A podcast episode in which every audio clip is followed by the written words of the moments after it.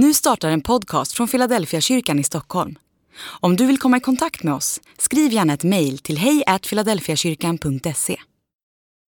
Välkommen hem till mig och min familj på Datanjangs gata. Här står vi faktiskt i vårat kök. Eh, det är lite olika hur det ser ut hemma i köket. Jag ska inte visa hela vårt kök, men på vår kylskåpsdörr så finns det ju en massa olika bilder och om man tittar på andra sidan så är det frysen och där finns ytterligare fler bilder men de är av samma sort. Alla de här bilderna berättar ju någonting om det liv som jag och Helena har tillsammans. Om våra barn, om våra semestrar och lite högtidliga tillfällen. Det här är ju en av de absolut äldsta bilderna på mig och Helena. Micke som filmade här, han trodde faktiskt att det var min son, men det är jag. Och så tittar man här nere så kommer nästa bild. Man anar åtminstone när man ser mig att här har det gått några år. Eh, och så dyker våra barn upp. Allt det här handlar om det som är min identitet, vem jag är, hela mitt liv. Och när vi säger välkommen hem så handlar det inte om att jag vill visa min historia, det är inte alls det det är frågan om. Utan under några söndagar har vi försökt tala om tron som ett hus. Ett hus med flera olika rum.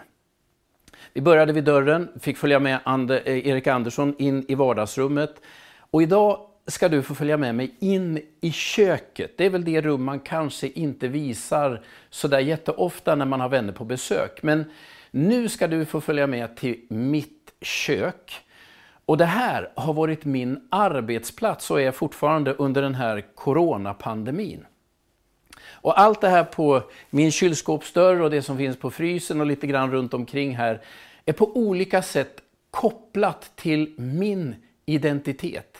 Och när vi talar om trons kök så skulle jag idag vilja säga att det har i någon mening med vår identitet att göra. Men välkommen hit och till min arbetsplats. Här är alltså min arbetsplats och jag ska alldeles strax ta med dig till ett bibelord som jag menar, eller i alla fall idag vill koppla till trons inre rum. Det där rummet där man är lite mer personlig, kanske har det som är lite stökigare eller det man inte alltid visar upp för alla andra. Eh, men innan jag gör det, jag måste bara, jag måste bara visa en sak till från eh, kylskåpsdörren. Eh, förutom bilder på mig och eh, Helena och våra barn så har vi också några sådana här klok, eh, kloka och tänkvärda ord. Bland annat det här, remember, stressed, spelled backwards, is dessert. Det är ju ändå väldigt bra att ha med sig. Ja. Hörrni, jag skulle, jag skulle idag bara vilja dela ett ord ifrån Johannes evangelium kapitel 1 och vers 12. Så här står det. Men åt alla dem som tog emot honom, och honom är Jesus, men åt alla dem som tog emot Jesus gav han rätten att bli Guds barn åt alla som tror på hans namn. Det här bibelordet det fick jag när jag kom till tro. Och det var någon som vägledde mig och liksom gick igenom någon sorts trons grunder. Men med tiden har jag kommit att inse allt mer att det här bibelordet handlar inte bara om trons grund, utan det handlar i ännu högre grad om trons allra innersta rum. Om det där köket som egentligen har med hela min identitet att göra. Här vid köksbordet har jag alltså suttit och arbetat under coronatider och nu ligger det faktiskt två pass här på mitt bord för det är dags att byta ut dem. Två pass har jag därför att ibland måste jag skicka ett pass till någon ambassad i något annat land för att få visum när jag ska ut och resa. Men det tillhör inte vanligheterna. Men nu är det dags att byta ut dem. Jag har lite böcker jag sitter och läser. Det här är en kommentar och det här är en annan bibelkommentar, bägge om tredje Mosebok. Vill du ha något att bita i så kan jag komma med boktips sen. Eh, och så har jag min dator här. Det är ju några år sedan vi övergick från vanliga papper till att ha i stort sett allting digitalt. Alla mina konversationer, alla dokument som jag har skickat, brev som har gått ut till er, Eh, allt sånt ligger ju i den här datorn. Ehm, och för att säkra upp det där, det är ju också en ny fråga idag, så har jag ju installerat ett virusskydd. Jag är själv lite okunnig, men man gör ju allt man kan för att liksom bevara sin identitet. Och det är också på den här datorn som jag emellanåt gör lite bankaffärer. Ni vet, man ska betala räkningar Ehm, eller betala, eh, skicka in någonting, ja, men någonting man har gjort helt enkelt. Eller också använder man sin mobiltelefon. Jag minns ju när jag själv satt och skrev på mina postgiroblanketter la i ett kuvert och skickade iväg, men det är länge sedan nu. Istället gör man ju allting digitalt. Jag vet inte om någon av er har varit med om det, men jag har faktiskt varit med om att jag har gjort sådana här affärer. Jag köpte flygbiljetter, ska jag inte säga vilket bolag det var. Och när jag hade köpt de biljetterna, betalat allting digitalt och knappat in mina koder så var allt frid och fröjd, biljetterna kom. Men efter några veckor så upptäckte jag att det fattades mer pengar på mitt konto än jag egentligen tyckte var rimligt. Så började jag leta och så upptäckte jag att den där flygresan jag hade bokat med ett flygbolag, det var fakturerat tre gånger. Samma belopp. Så då ringde jag till, till flygbolaget och de sa nej det är inte vi som sköter det här. Jag fick ringa till ett annat bolag och till ett tredje bolag. Och när jag hade ringt ett antal gånger och till olika håll så insåg jag att de här pengarna är förlorade. Ingen tar ansvar för detta. Någon har, när jag gjorde den där affären, brutit sig in i någon sorts elektronisk värld och se till att istället för att det blev en överföring så blev det tre. Några veckor senare så ringde faktiskt min bank och bekräftade att under några minuter, just den dagen då jag köpte den där flygresan så var det någon som hade lyckats ta sig igenom alla säkerhetsdörrar på nätet och kom åt mina pengar och så fick jag tillbaka pengarna och så var ärendet avslutat. Allt det här som jag pratar om nu, min dator, mina pass, fotona på, på eh, kylskåpsdörren, det handlar ju på olika sätt om min identitet. Eller min och Helenas identitet, våra gemensamma liv. Och mer än någonsin tror jag vi nu har blivit medvetna om att identiteten går att kapa.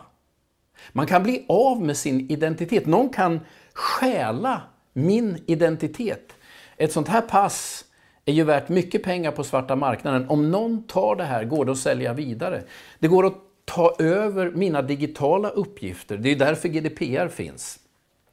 Tanken är att var och en av oss själv ändå ska kunna styra vår identitet. Men alla vet att det är en osäker värld vi lever i. Alltså, vi lever i en tid då människor stjäl och handlar med våra identiteter.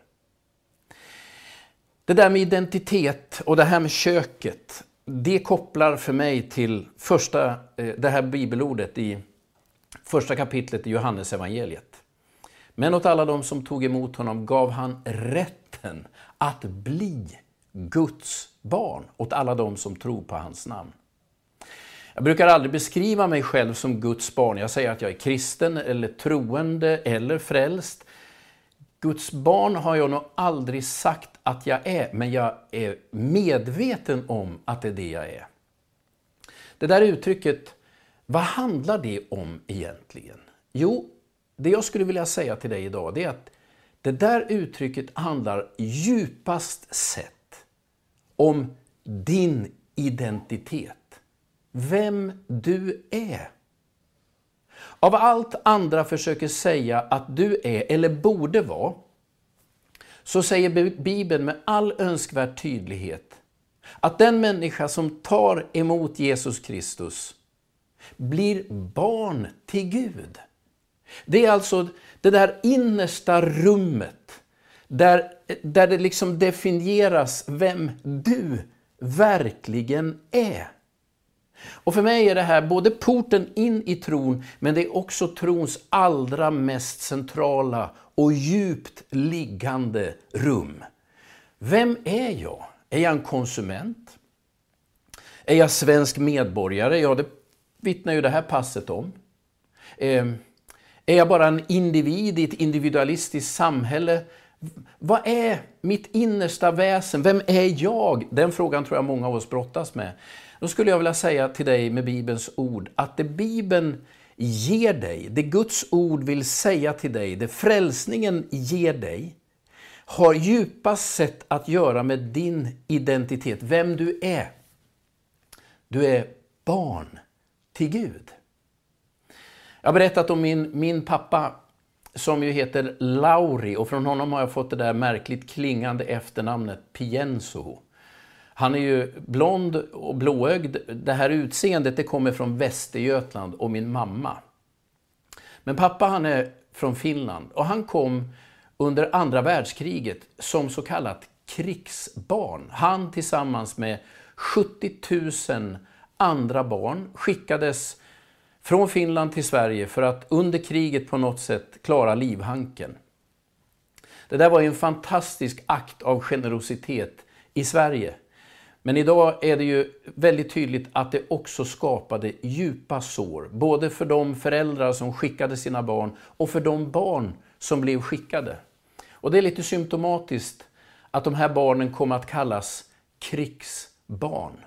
Alltså barn av ett krig, barn av ett trauma, barn av sorg, död och förtvivlan. Och det där präglar en människas identitet på djupet.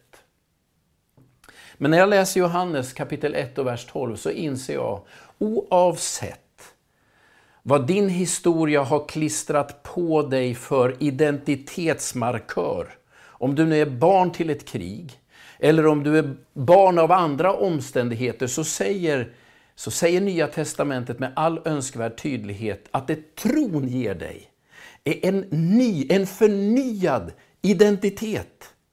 Du är nämligen djupast sett barn till Gud själv. Vi lever ju i en tid där alla vi förfogar över våra egna öden på ett sätt som tidigare generationer bara kunde drömt om. När vi frågar unga människor vad, vad vill du bli när du blir, när du blir stor så, så menar ju vi alla, vi tar för självklart att, att det bestämmer man själv som tonåring och ung människa. Vad vill jag göra med mitt liv? Vilken utbildning vill jag gå? Vad har jag för möjligheter? Men så har det ju inte sett ut. Mitt yrke förr i tiden bestämdes ju av vad min egen far sysslade med. Det gick liksom i arv. Ännu mer tydligt var det ju på Jesu tid.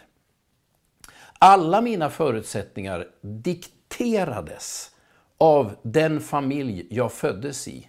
Hela samhället var liksom skiktat i olika lager och vilket lager du hamnade i berodde på vilken familj du föddes in i. Det var inte så att man kunde ställa frågan i antikens värld, vad vill du bli? Det var redan definierat beroende på vem du var barn till. Den familj du föddes i bestämde också vem du skulle kunna gifta dig med. Alla dina förutsättningar var liksom givna via din familj, den du var barn till. Och om man bara förstår den bakgrunden, då kan man ana hur revolutionerande de här orden Jesus säger faktiskt är. Vem du är, säger ju Jesus, bestäms inte av ditt familjenamn. Det styrs inte av det sociala sammanhang du kommer ifrån. Och den bakgrund du har kommer inte att diktera ditt framtida öde. Nej, säger Jesus. Det evangeliet ger människor är en förnyad identitet där den absolut främsta markören talar om någonting otroligt storslaget. Du är barn till Gud själv. Det är din djupaste identitet. Det är vägen in i tron, men min uppfattning är att det är precis där som trons allra mest djupa rum, köket, finns.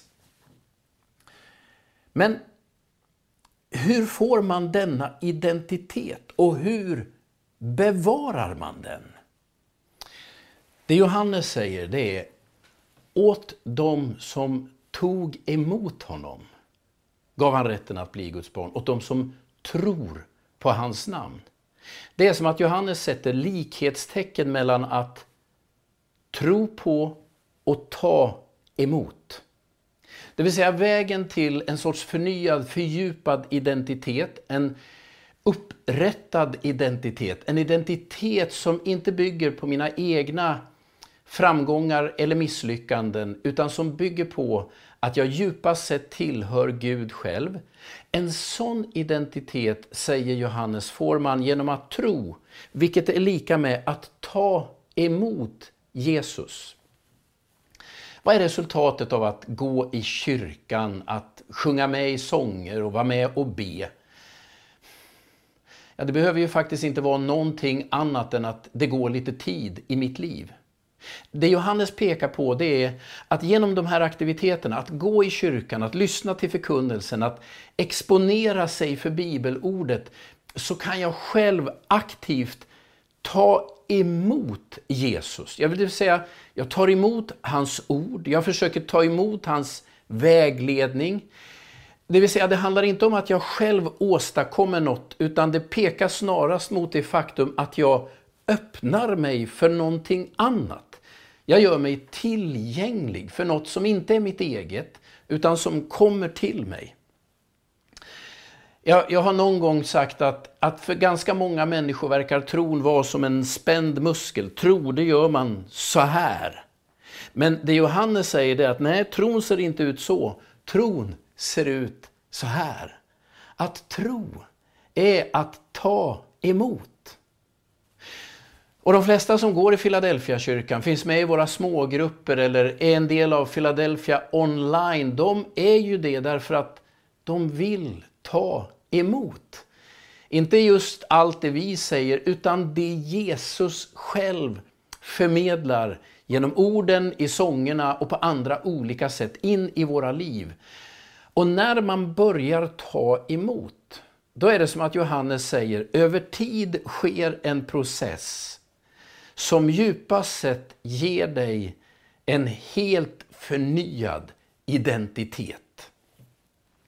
Vi lever i en, i en tid då identiteter stjäls, identiteter säljs.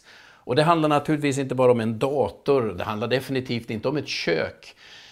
Men det handlar om kampen vem du egentligen är och vem du själv ska tänka att du är. Marknadsföringskrafter vill att du ska tänka att du är någon som borde köpa, du är någon som behöver någonting. Du exponeras ständigt för människor som jag grovt uttryckt skulle vilja säga är ute efter att stjäla din identitet. Och idag vill jag säga dig en sak. Låt ingen stjäla din identitet. För det Gud har skapat dig till, det du är kallad till, är ju att djupast sett vara Guds barn. Så våga tro att Jesus talar till dig. Och att tro är att öppna sig, två tomma händer man sträcker fram. Så gör han genom sin heliga Ande resten med dig. Detta är trons innersta rum, köket. I en mening är det också dörren jag går in i, men det är också det rum där jag allt mer rotar mig. Vem är jag? Jag är Guds barn. Den identiteten är också din.